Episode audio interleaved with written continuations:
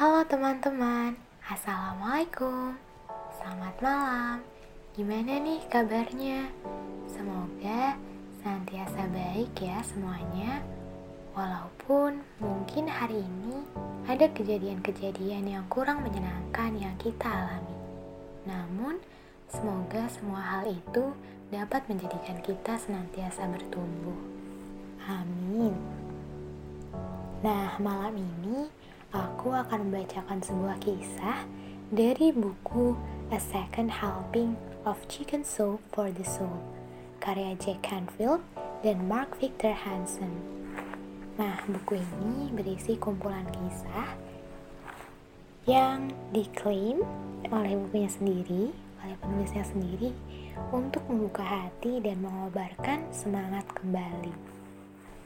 Nah, Malam ini kita akan menelusuri sebuah kisah pada bab pertama yaitu bab tentang cinta. Sebelumnya aku akan membacakan sepenggal tulisan dari Sai Baba yang bunyinya seperti ini. Hidup adalah nyanyian, maka nyanyikanlah. Hidup adalah permainan, maka mainkanlah. Hidup adalah tantangan, maka hadapilah. Hidup adalah mimpi, maka jadikanlah kenyataan. Hidup adalah pengorbanan, maka persembahkanlah. Hidup adalah cinta, maka nikmatilah. Nah, kita akan masuk ke kisahnya ya teman-teman. Kisah ini berjudul Sirkus. Bagian hidup yang terbaik dari kehidupan seseorang yang baik adalah tindakan-tindakannya yang kecil, tak bernama, dan tidak pernah diingat mengenai kebaikan dan cinta. William Wordsworth pada suatu saat ketika saya masih berumur belasan tahun, ayah dan saya berdiri di antrian untuk membeli tiket pertunjukan sirkus. Akhirnya, hanya tinggal sebuah keluarga di antara kami dan counter tiket. Keluarga tersebut memberikan kesan yang sangat mendalam dalam diri saya. Keluarga itu mempunyai delapan anak, boleh jadi semuanya masih berumur di bawah 12 tahun. Anda bisa mengatakan kalau mereka tidak mempunyai banyak uang. Pakaian mereka tidak mahal tetapi bersih. Anak-anaknya mempunyai sikap yang sangat baik. Semuanya berdiri antri dengan tertib, dua-dua di belakang orang tua mereka sambil bergandengan tangan. Mereka semua sangat antusias berbicara tentang badut-badut sirkus gajah, dan hal-hal lain yang akan mereka lihat malam itu. Orang pasti merasa kalau mereka semua belum pernah melihat sirkus sebelumnya.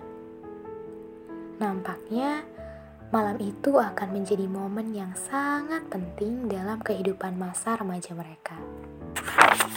Sang ayah dan ibu berada di depan, berdiri dengan bangga. Sang ibu memegang tangan suaminya menatapnya seolah mengatakan, Kau adalah kesatriaku dalam pakaian baja yang bersinar. Sang suami tersenyum dan penuh kebanggaan, menatapnya seolah-olah menjawab, Memang benar. Penjual tiket menanyakan kepada sang ayah berapa tiket yang dia inginkan.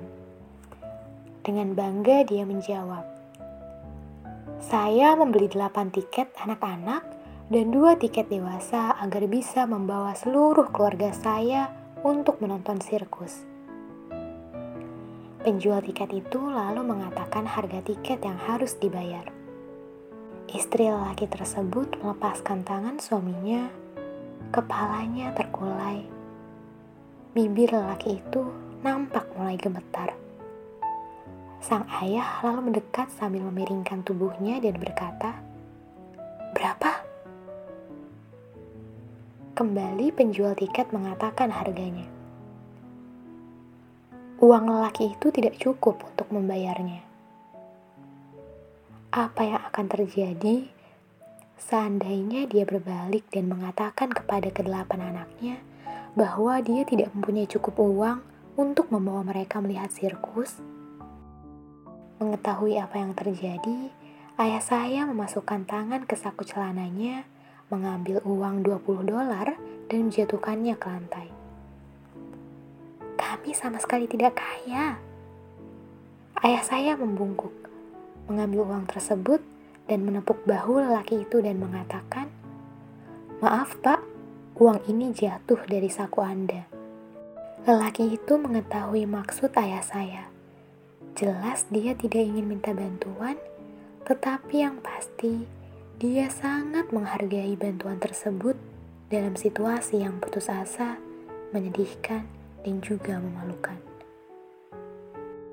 Dia menatap mata ayah saya secara langsung, menyambut tangan ayah ke dalam kedua tangannya, menggenggam erat uang 20 dolar tersebut, dan dengan bibir gemetar dan air mata membasahi pipinya, dia menjawab, "Terima kasih, terima kasih, Pak.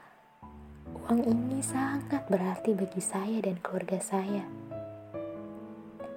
Ayah saya dan saya kembali masuk ke dalam mobil dan langsung pulang. Kami tidak jadi nonton sirkus malam itu, tetapi kami merasa senang.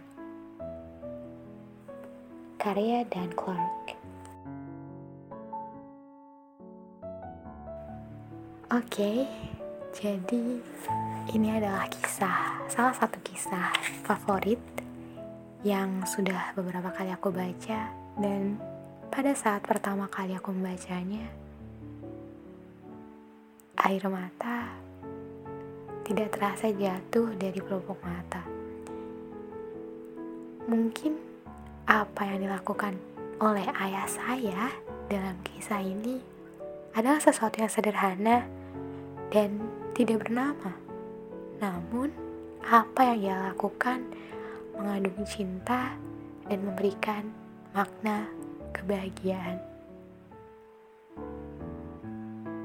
Semoga kisah ini dapat menjadi sebuah pengantar tidur sekaligus motivasi untuk kita semua, entah dalam posisi apa pun kita sekarang, Semoga kita dapat senantiasa menjaga hati baik kita, menjaga cinta dalam hati kita.